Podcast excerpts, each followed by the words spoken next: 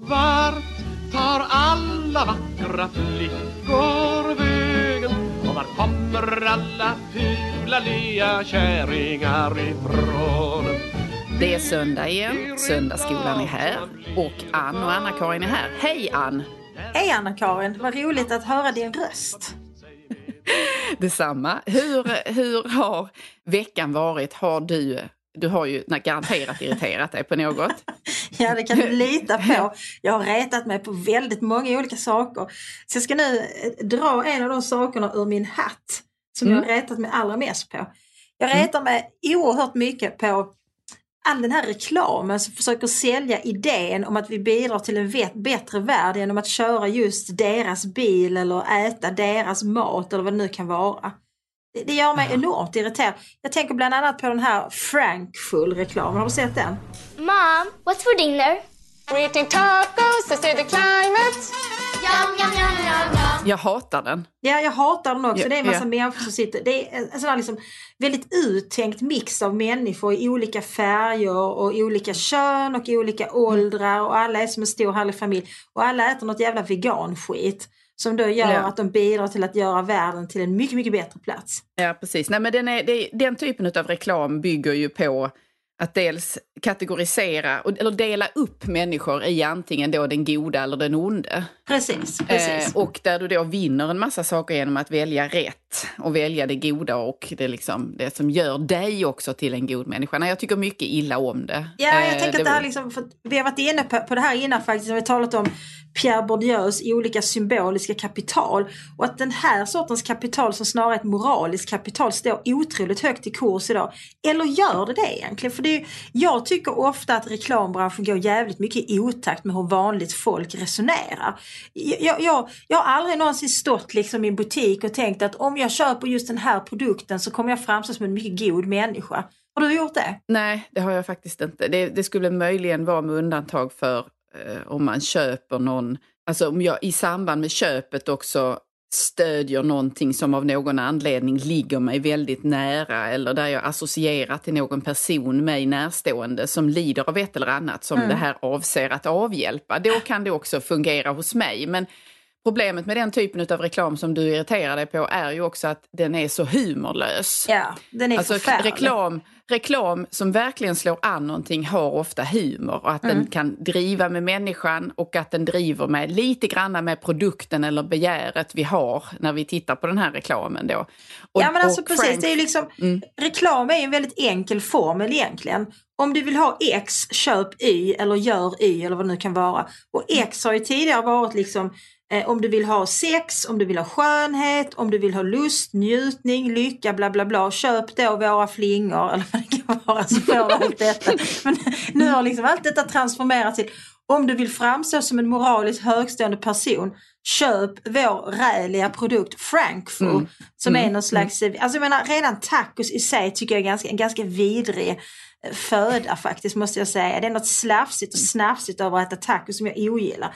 Men om man dessutom gör det till någon, på något jävla ärtprotein eller någonting, vad finns då kvar? Ja, nej. Nej, ingenting. Förnedring, Förnedring och äckel. Och en illusorisk känsla av att vara god. Och ännu värre är det när det är liksom produkter som bilar som är mycket dyra. Om jag ska köpa en ny bil, eh, vilket är osannolikt att jag någonsin kommer att göra för det är mycket dyrt att köpa en ny bil. Men om jag haft möjlighet att köpa liksom en Splice ny bil då hade jag intresserat mig för sånt liksom som prestanda och acceleration och trygghet, ja. säkerhet och så vidare. Jag hade också intresserat mig för hur miljöklassade var. Men det hade inte varit det första jag intresserade mig för ja. faktiskt. Ja. Eh, vad, vad, har du retat dig på i veckan Anna-Karin? Jag har retat mig alldeles särskilt på solceller faktiskt. Solceller? Ja, jag vet inte om du har noterat detta att väldigt många fastighetsägare sätter upp solceller på sina tak och därigenom jo. förfular fastighetens utseende. Jag upprörs över detta och över min döda kropp att det kommer solceller på det huset jag sitter i just nu faktiskt. Jag kommer i så fall istället leva med stearinljus, alltså om jag inte kan bygga eh, något, något slags kraftverk själv. Jag sitter med stearinljus och en batteridriven eh, locktång. Om du bygger ett kraftverk själv, kommer det att vara estetiskt tilltalande? För nu, alltså nu, liksom, eh, nu ger det dig mycket svårt uppdrag. Du vill inte ha solceller för de är fula, utan du vill ha ett eget litet kraftverk. Men det ska vara väldigt snyggt. Ja, jag är ett eget litet kraftverk, tänker jag. ja, kan man inte koppla in det på något vis? nu snarkar han när det inte kluckar. Ska vi glida över till uh, dagens tema?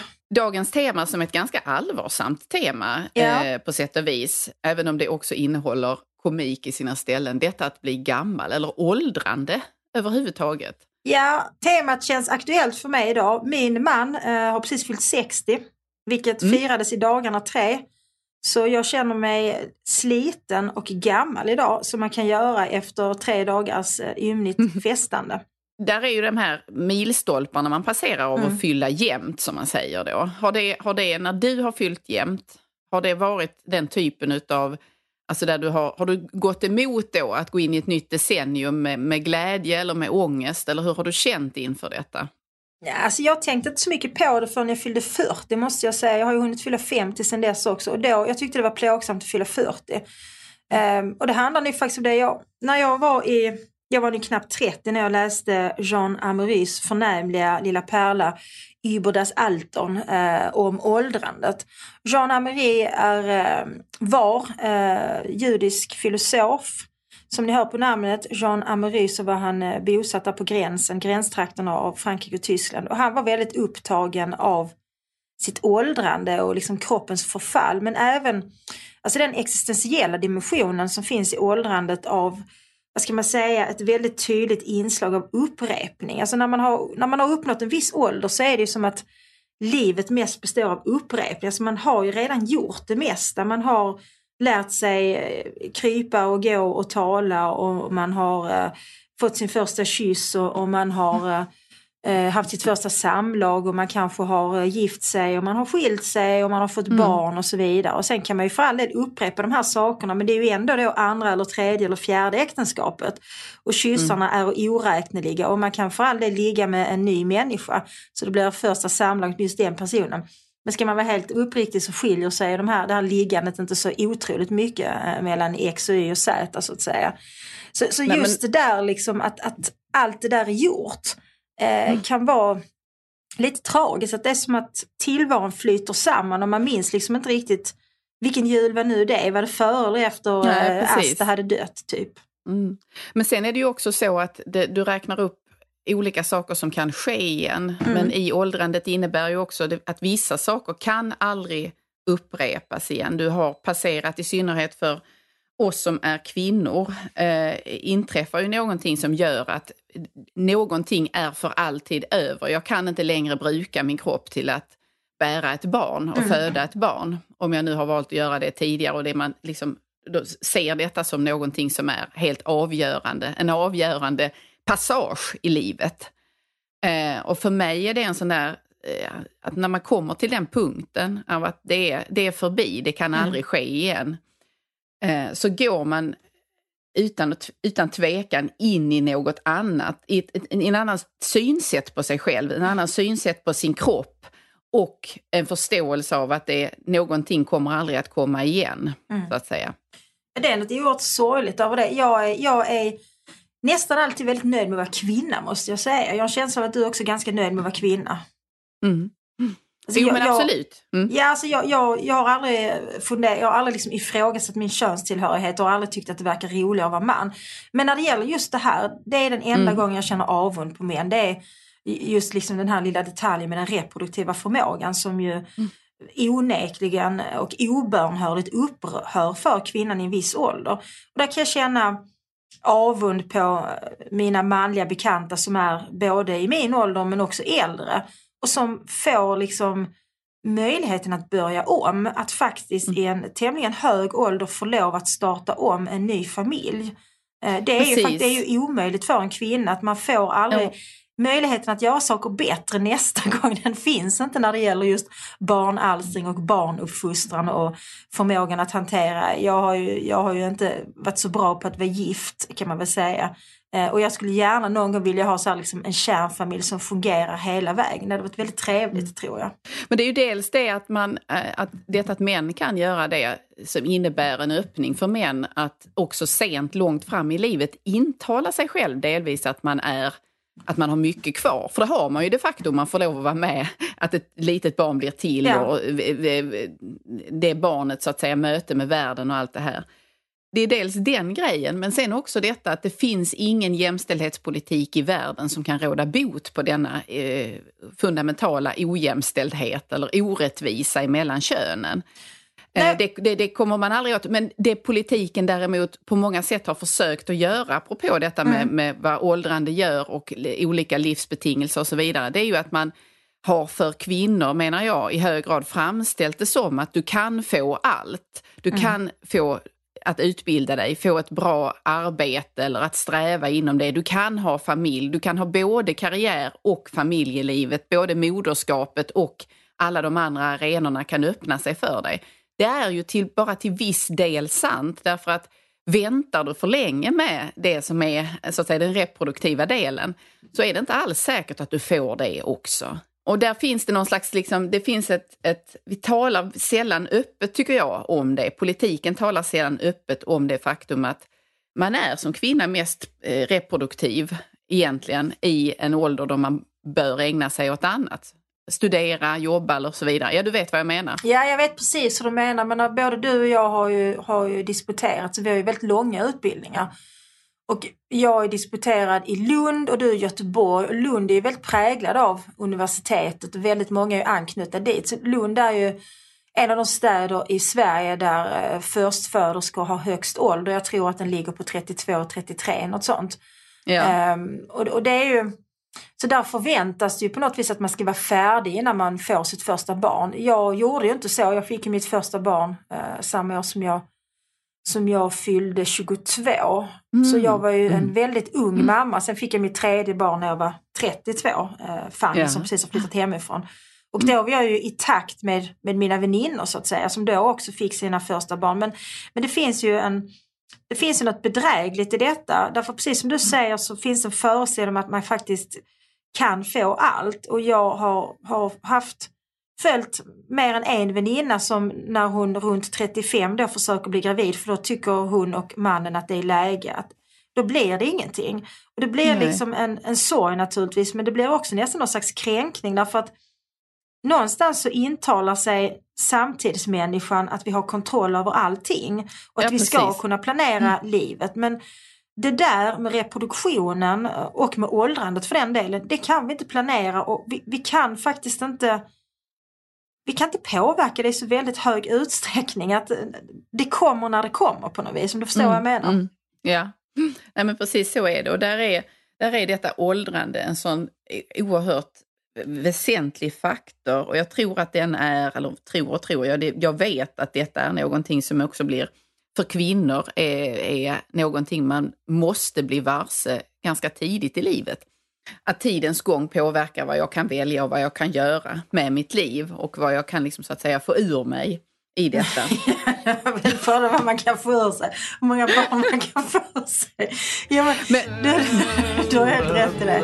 Har blivit en madam med skunk bak och fram Om vi nu rör oss mellan det manliga och det kvinnliga åldrandet och skillnader däremellan så tror du att det också i, att det är lika påtagligt för män, detta med hur utseendet ändras av att år läggs, läggs till år och att eh, linjer läggs till linjer i ansiktet. Är detta, är detta någonting som är mer påtagligt för kvinnor än för män eller är det bara en för, vanföreställning att det skulle vara så? Nej, men jag upplever nog att, att eh, en del av männen i min närhet som, som då är i min ålder, eh, de tycker också att, att åldrandet är plågsamt eftersom det, och särskilt de män som jag umgås med som är offentliga personer som ofta syns på bild och kanske i tv och så vidare. Att då blir det så tydligt för en själv också eh, när man tvingas se sig själv. Jag, är precis, jag släppte en bok här nu i höstas och jag tyckte att bilderna var värre än texterna. Därför jag tyckte det var så förfärligt att behöva se mig själv på ett jättestort uppslag i DN eller vad det var liksom, och se liksom verkligen hur åren har farit fram i mitt ansikte. Därför när, när, jag, när jag tänker på mig själv så tänker jag på mig själv som jag såg ut när jag var 35. Eh, Simone de Beauvoir hon, hon skrev något liknande faktiskt. Hon skrev en bok som heter La vieillesse, eh, alltså åldrandet. Och där skriver hon ungefär så här att, att när jag ser namnet Simone de Beauvoir eh, i en tidning under en text eller en recension eller någonting så har jag bilden av en ung kvinna framför mig. Men när jag ser mig själv i spegeln så ser jag någon helt annan. Och Det är ganska mm. så intressant liksom med den där självbilden man har. Alltså var, var liksom var i livet var jag mest mig själv så att säga. Och jag tänker mm. på mig själv som 35 ungefär. Och så är det i förhållande till mina föräldrar också. Jag menar, min mamma är ju nu eh, runt 70 men när jag, när jag mm. föreställer mig henne liksom som en bild rent mentalt så ser jag henne som hon såg ut när hon var 40. Det vill ja, säga när hon precis. var yngre än vad jag är nu. Eh, mm. Då var hon hon liksom. Så jag blir fortfarande ja. förvånad när jag ser henne fastän jag träffar henne så ofta. Eh, att men, hon nu men, är en betydligt äldre kvinna. Ja, precis. Men det där är ju också en, att man efterkonstruerar en slags nöjdhet eller en tillfredsställelse över hur man en gång såg ut. Vad jag menar här är alltså att om jag tittar på, jag kan titta på bilder på mig själv som är 10 eller 15 mm. år och göra den reflektionen som du just beskrev, att man tänker oh vad, vad slät jag var eller vad fin jag såg ut där, vilken bra bild det var och vilken bra tid det där var. Men jag vet ju samtidigt att jag bedrar mig själv i att säga så därför att när jag var där då, när den bilden togs och när jag hade den i min hand, så fann jag andra fel i mitt mm. ansikte. Jag såg andra brister eller hade missnöje med annat än det jag, jag, jag ser, det jag blir glad över att se idag. Va? Och det, det, i det är det ju något, det är något outsägligt sorgligt nästan detta att vi aldrig kan vara nöjda då. Eller man kan aldrig liksom tillskriva eh, sig själv ett värde i, i den fas man är nu, utan det är alltid något annat du längtar till. När man är barn längtar man till att bli stor. Mm. När man är barn längtar man till att få bestämma om sig själv eller få välja sina egna kläder eller vad det nu är för någon, någon grej man liksom fix, fixerar sig vid. Men, och när man är vuxen och stor och gammal då längtar man tillbaka till det som var tidigare. ja, det är väl så. När sker det skiftet tror du? För att som du säger under, under ganska stor del av människans liv i början av livet då längtar vi, då vill vi att tiden ska gå väldigt fort. Därför vi mm. längtar efter att eh, få lov att gå på krogen. Eh, vi längtar efter att få komma in på olika ställen. Vi längtar efter att bli gamla nog och flytta hemifrån och kunna tjäna våra egna pengar. Så vi vill liksom att tiden ska gå så att vi uppnår den här friheten vi föreställer oss. Sen mm. någonstans mm. under livets gång så börjar man se bakåt istället. Jag vet att Harry Belafonte du vet, mm. gamla sångaren, han, han sa så här en gång i en intervju, apropå tidens gång och vad den gör med en, att när man är 40 och tänker på 60, då känns det som att det är en oändlighet, en evighet bort. Mm. Men när man är 60 och tänker på 80 så blir man nervös och det känns som om det är nästa vecka man är där. Ja. Ju närmre du kommer livets mitt så att säga och passerar det och, och går över i andra delen så tror jag att man blir blir rädd för, man blir rädd för tidens gång på ett annat vis och man är varse också hur snabbt ett år passerar. Medan yeah. när, man, när, när, man går i grundskolan eller något sånt så är ett läsår en evighet, en termin, allt kan hända. För mig är det bara swish, så är det borta. Ja men det är så intressant liksom, alltså hur mäter man tiden? Jag tänkte på det, jag lyssnade på den här söndagsintervjun med Magda Gad. Eh, och Magda mm. Gad, jag, jag fattar inte riktigt hur gammal hon var men jag tror att hon är någonstans mellan 40 och 50 och så frågade han henne om, om hur hon såg på döden eh, och på åldrandet och så. Och då sa hon liksom att nej, men hon tyckte inte liksom att det var viktigt att leva till man blev 65 eller 75 utan som jag förstod henne så tyckte hon det viktiga var vad man fyllde livet med för innehåll. Och det kan man ju mm. fundera över. Liksom, alltså, hur, hur mäter vi tiden? Alltså är tiden bara sekunder, minuter, timmar, veckor, månader, år? Eller kan man tänka sig andra mått på tiden? Att tiden istället mäts i hur många böcker man har skrivit eller hur många barn man har fött. Eller som, mm. jag läste precis Kerstin Ekmans mycket fina bok Löpa varg. Eh, mm. som handlar om eh, en åldrande mans förhållande till sina hundar och till en, en varg också då uppenbarligen eftersom det finns i titeln. Och hans liv skulle kunna beskrivas eh, med hjälp av hans hundar. Och det så, när han mm. ser tillbaka på sitt liv så tänker han på, ja men det var då jag hade, vad nu hunden hette, Sickan och så vidare. Mm. Och det är ganska intressant det där hur man, hur man också mäter tiden och hur man tänker sig sitt liv baklänges. Um, mm. Och jo, att människor, menar, en människa som, som, som har ett kort liv kan ju ändå vara en människa som upplever väldigt mycket mer än någon som lever väldigt länge så att säga. Mm. Och lämnar ett avtryck. Alltså ja. av, för det är väl det Gad är eh, ute efter där i sitt resonemang, om jag tolkar det genom din tolkning, att mm. det är vad, vad lämnar du för spår? Eller vad gjorde du? Var gjorde du skillnad? Och det, det är ju en vacker bild, samtidigt som jag kan tänka att den också leder i en riktning mot att vi, i synnerhet om man har yrken eller är verksam på det sätt som du och jag är verksamma, mm. att man kan ibland bli förvillad eller man kan förvilla sig i detta att det, det, det är bara det som syns som spelar roll. Ja. Att, man, att man tror det, eh, fast man vet ju naturligtvis i grunden att det inte är det som spelar någon roll alls. Va? Men, men att vi blir, jag tror att vi allt mer, gemene man och kvinna, blir att vi mäter det i livets värde eller skillnaden man gjorde är om det är synligt eller inte då. Medan det som är det lilla livet, hemmet eller vad du gjorde mm. för, för din nästa i din närhet så att säga, det, det fäster vi inte så, sådan vikt vid fast att vi borde göra det istället mm. menar jag då. Ja men det tycker jag också. Sen mm. tänker jag ändå att, att det finns ändå någonting med kvantitet som är viktigt. Jag tänker på det ofta mm. när man pratar om ja, men du vet, liksom människor som arbetar väldigt mycket när deras barn är små. Och så säger så att ja, ja, men vi har väldigt mycket kvalitetstid. Så tänker liksom, men när man är tre år bryr man sig inte om kvalitetstid. Och det är faktiskt Nej. samma med, kär, med alla kärleksrelationer. Alltså vänskap, eh, kärlek, äktenskap, eh, vad det nu kan vara att det räcker liksom inte, låt säga att man, man har en älskare som man träffar två gånger om året och har fantastiskt sex med. Det gör inte att den relationen fördjupas utan det är ju mm. tiden man tillbringar tillsammans mm. som faktiskt också spelar någon roll. Det är inte bara vad man gör med den tiden och hur, liksom, hur mycket peak experiences man, man liksom eh, upplever tillsammans då utan det är faktiskt tiden man är tillsammans. Ja, det tycker precis. jag är fascinerande med långa äktenskap med människor som som klarar av att växa ihop på ett bra sätt eh, och inte på mm. ett destruktivt sätt. Att den tiden man har tillbringat tillsammans tänker jag har ett värde i sig faktiskt även om det inte har varit roligt hela tiden för det är det ju inte så att säga. Nej, just det. Nej, men exakt. Det där är ju det är en intressant sätt att vända på den där bilden om av att, att söka pikarna eller söka extremerna eh, istället för att det är den vardagens lunk och att kunna framhärda och klara ut det och också finna eh, liksom en stilla lycka i detta. Är man rastlös till sin natur, det är jag, mm. jag tror du är det också. Ja, mycket. Så eh, är de här skiftena är, eh, eftersträvar man hela tiden. Man söker efter något nytt att göra, någon ny arena att vara på, eh, nya förmågor hos sig själv att pröva. Och jag kan ibland faktiskt avundas då eh, människor som har förmåga att, att stilla sig och, och finna sig i att man, man, är på en viss arbetsplats, man har ett visst sammanhang, man har bosatt sig på ett visst ställe och man är tillfreds och lycklig över detta, den lunken som gestaltar sig i vardagen. Och det med det inte sagt att de inte gör storverk i sitt arbete eller i sitt mm. liv, för det gör de.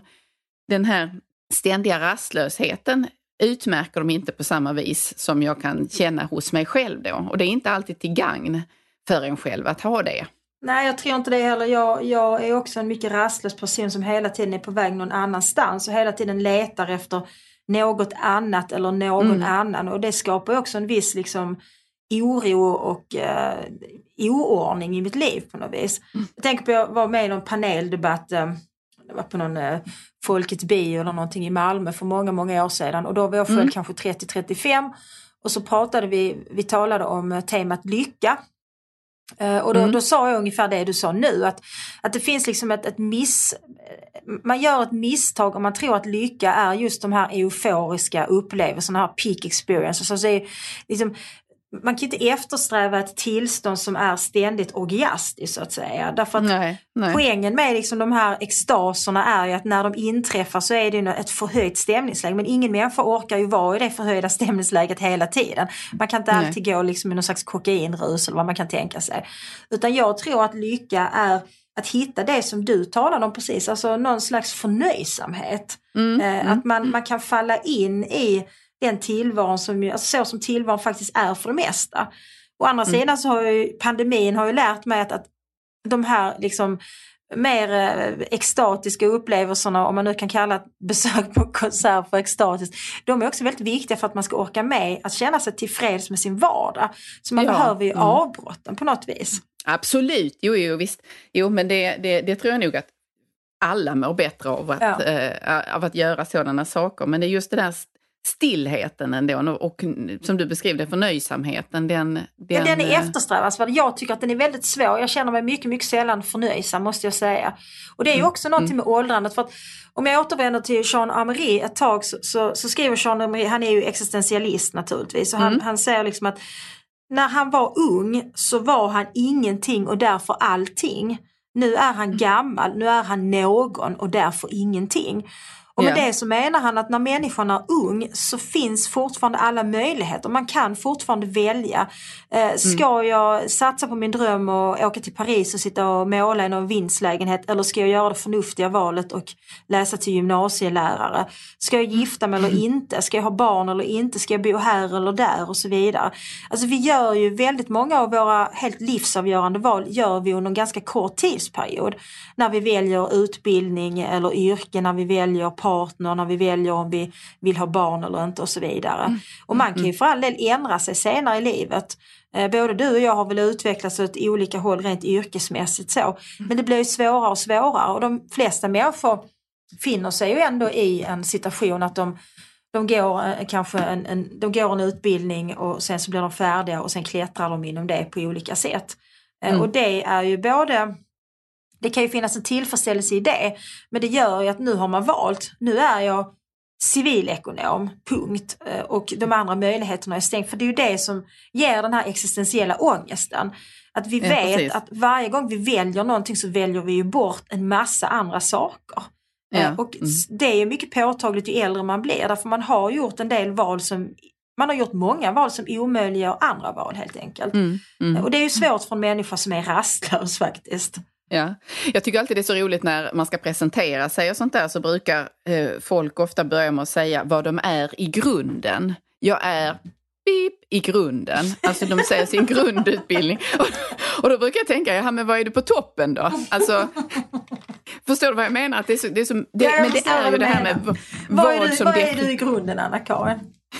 Ja, om jag skulle svara på det sättet så skulle jag säga att jag är gymnasielärare i grunden då. Eller, eller vad, vad förstår du?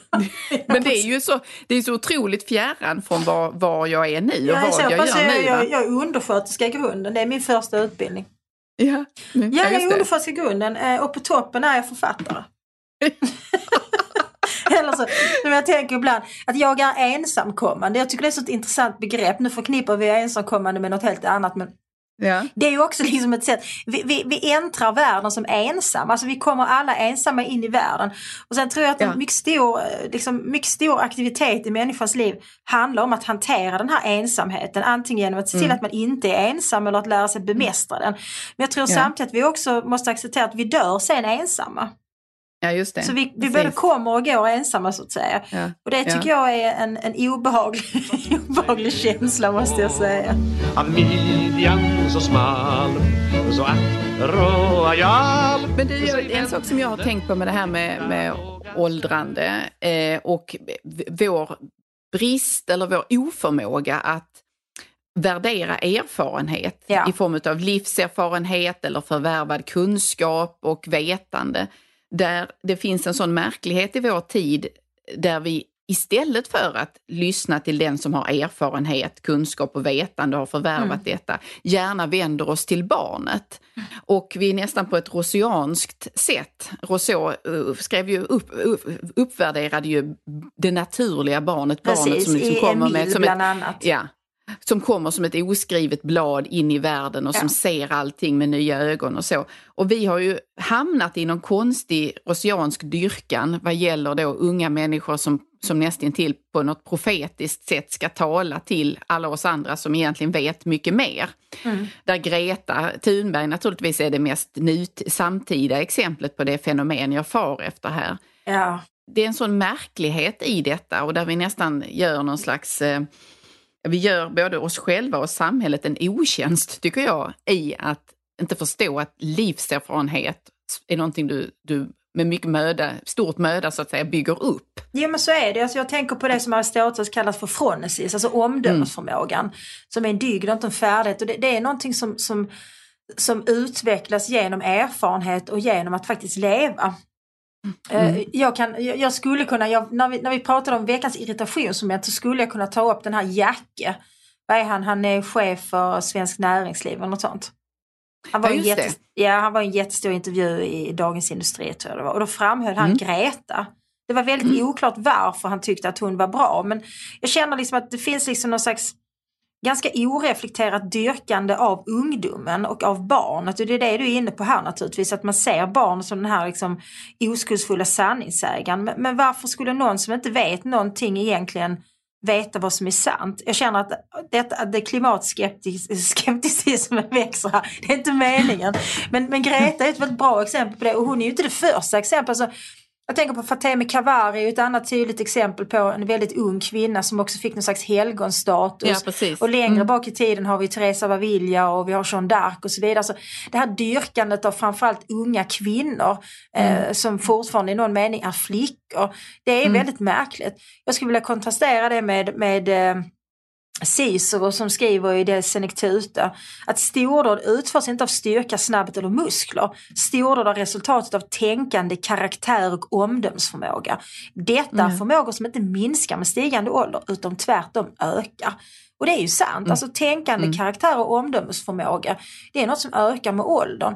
Och det mm. tror jag i sin tur hänger ihop med något annat, nämligen att, att begären i någon mening också stillnar lite. Alltså, nu tänker jag inte bara på sex utan jag tänker på alla de här begären efter att vara någon och att mm. uträtta något och så vidare. Att, att någonstans med stigande ålder så blir man ändå mer tillfreds med sig själv. Ja. Eh, och mm. blir inte lika... Därför begären är ju någonting som också grumlar vår omdömesförmåga skulle jag säga. Jo, nej, men och sen är det ju också så att eh, rent faktiskt så är hjärnan färdigutvecklad när man är, vad är det, närmar sig 25 eller något liknande. Mm. Alltså fram tills dess så är vi, vi, vi inte riktigt färdiga människor. Och då blir det ju, det betyder ju inte att barnets perspektiv eller barnets röst inte är viktig att väga in dessförinnan eller den unges röst och perspektiv. Men eh, att tro att det kommer större sanningar därifrån eller att det finns ett vetande inneboende i denna unga människa som orimligen kan ha så att säga eh, ackumulerat den erfarenhet och det vetande som någon som har fler tillryggalagda år bakom sig är ju en, menar jag, närmast en villfarelse och också någon slags romantiserad, det var ju det vi var ute efter innan ja. den här Rousseau-parallellen, att Precis. det är en romantisering av barnet och barnets kapaciteter. Men jag tänker i, i förlängningen där också, så man vänder på det då, så skulle man ju också kunna tänka sig att för jag tror det är Seneca som har sagt att man ska på inget vis försöka på sin ålders höst, så ska man vakta sig väldigt noga från att göra sig till åtlöje i ungdomens ögon.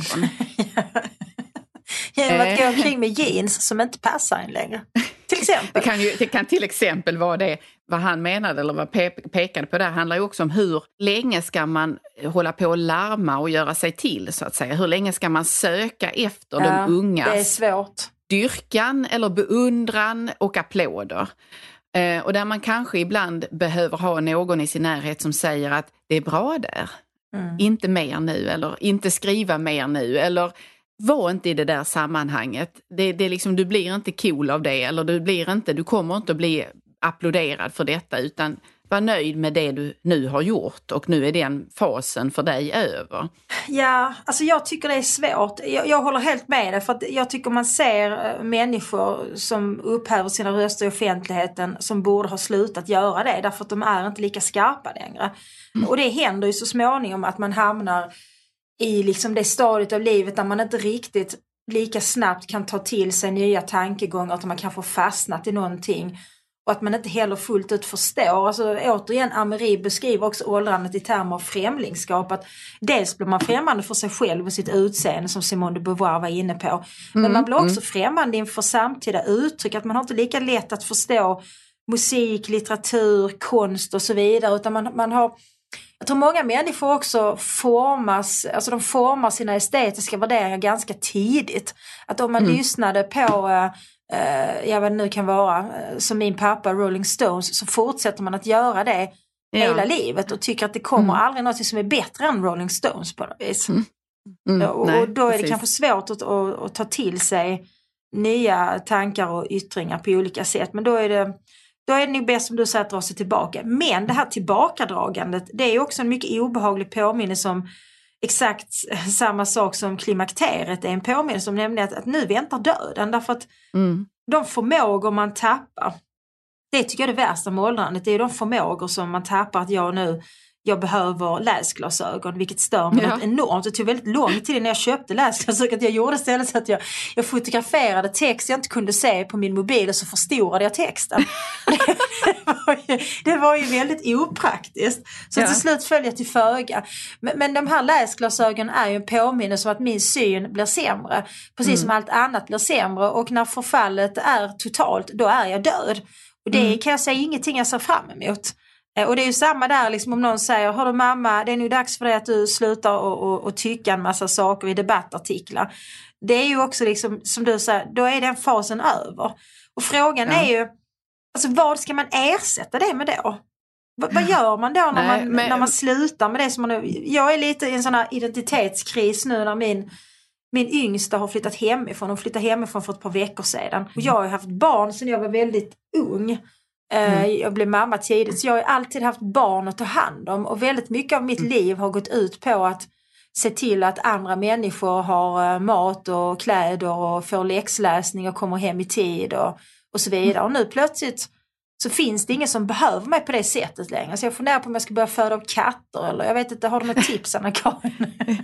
men, men jag tycker att det är så en intressant beskrivning därför att jag tror att det också är, vi är smittade av, av på många sätt av samtidens eh, alltså den möjligheten som vi som lever så pass privilegierat som vi mm. gör, att man kan ha, du kan ha sån maximal njutning, tillfredsställelse, tillgång till allt, allt, allt, allt finns hela tiden. Och mm. du, det är den här eh, hårda strävan, kämpandet, att det liksom det arbete, om jag tänker på, på mina far och morföräldrar och det, det arbete de utförde med sina kroppar och den lilla stund av vila och tid som fanns för dem till förnöjelse, förströelse, jämfört med vad jag har att röra mig med idag så svindlar ju tanken och jag kan då nästan skammens rodnad stiger på mina kinder över att jag ibland inte känner mig nöjd ändå. Mm. Och för att liksom knyta ihop det till det här med livets gång och att det också finns ett slut så jag menar under mycket lång tid av människans existens så har ju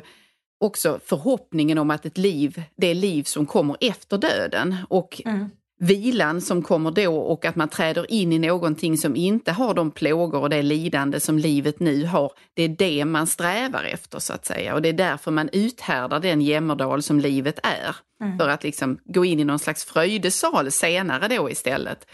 Men vi har ju tappat det och vi vill ha allting nu och hela livet ut istället. Ja, alltså det är ju en väldigt främmande tanke för för nutidsmänniskan att vi blir belönade sen. Jag tänker på en historia som min mamma brukar berätta. Min mamma jobbade som ung som vårdbiträde på Världens sjukhus där jag sedermera också jobbade som vårdbiträde mm. faktiskt. Men, men då var det liksom, hon jobbade natt och så var det väl stressigt och, och så hade hon då hjälpt eh, en, en dam som, som låg där med någonting och så sa den här damen mycket vänligt till min mamma så Jo kära Karin, du är som en ängel, du kommer få din belöning i himmelriket. Och då fräser mm. min mamma som vid tillfället är 18 år och väldigt stressad. Så, Om jag inte får någon belöning från i himmelriket så kan det vara. det är väldigt roligt. Att vi nöjer oss liksom inte med tanken på att vi ska belönas i livet efter detta. Utan vi Nej. vill ha allt nu. Och mm. detta leder mig till ett ämne som jag ändå känner att vi måste avhandla lite innan vi knyter ja. ihop säcken här helt. Och det handlar om, om, om det, det påtagliga synliga åldrandet. Jag tänkte på det Dels så har jag precis konfronterats med bilder på Madonna och Madonna, jag vet inte hur gammal hon är, kan hon vara 70 nu?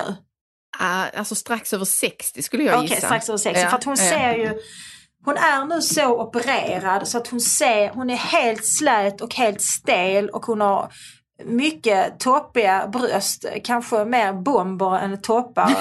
alltså, och hon är också mycket spektakulärt klädd.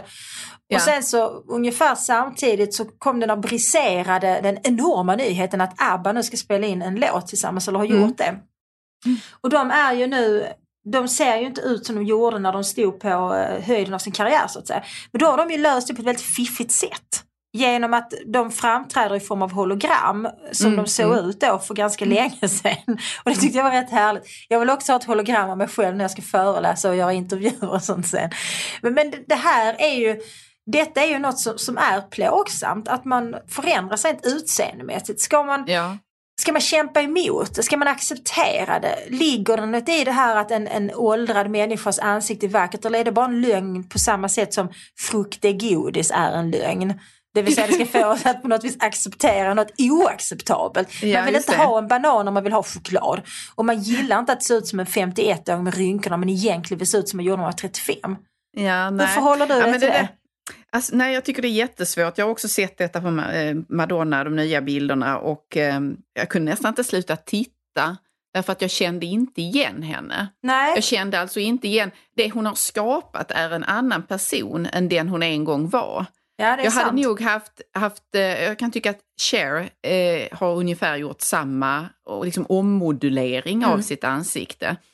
Eh, jag har mycket hög grad av förståelse och fördragsamhet med de som gör någonting med sitt, med sitt ansikte för att så att säga vidmakthålla det, hur de en gång såg ut. Men det finns ju det är en väldigt svår balansgång antagligen, för snart så måste du göra så mycket då så att du förstör också resterna av det, den du en gång var. Du suddar, du suddar liksom De sista ut. spillrorna plockas Ja. bort i liksom den finala stora lyftet så att säga. Ja, För, för jag kan tycka att det är en sån vacker sak om du ser på en bild av, ett, av en eh, bebis som är ett halvår Mm. eller något liknande.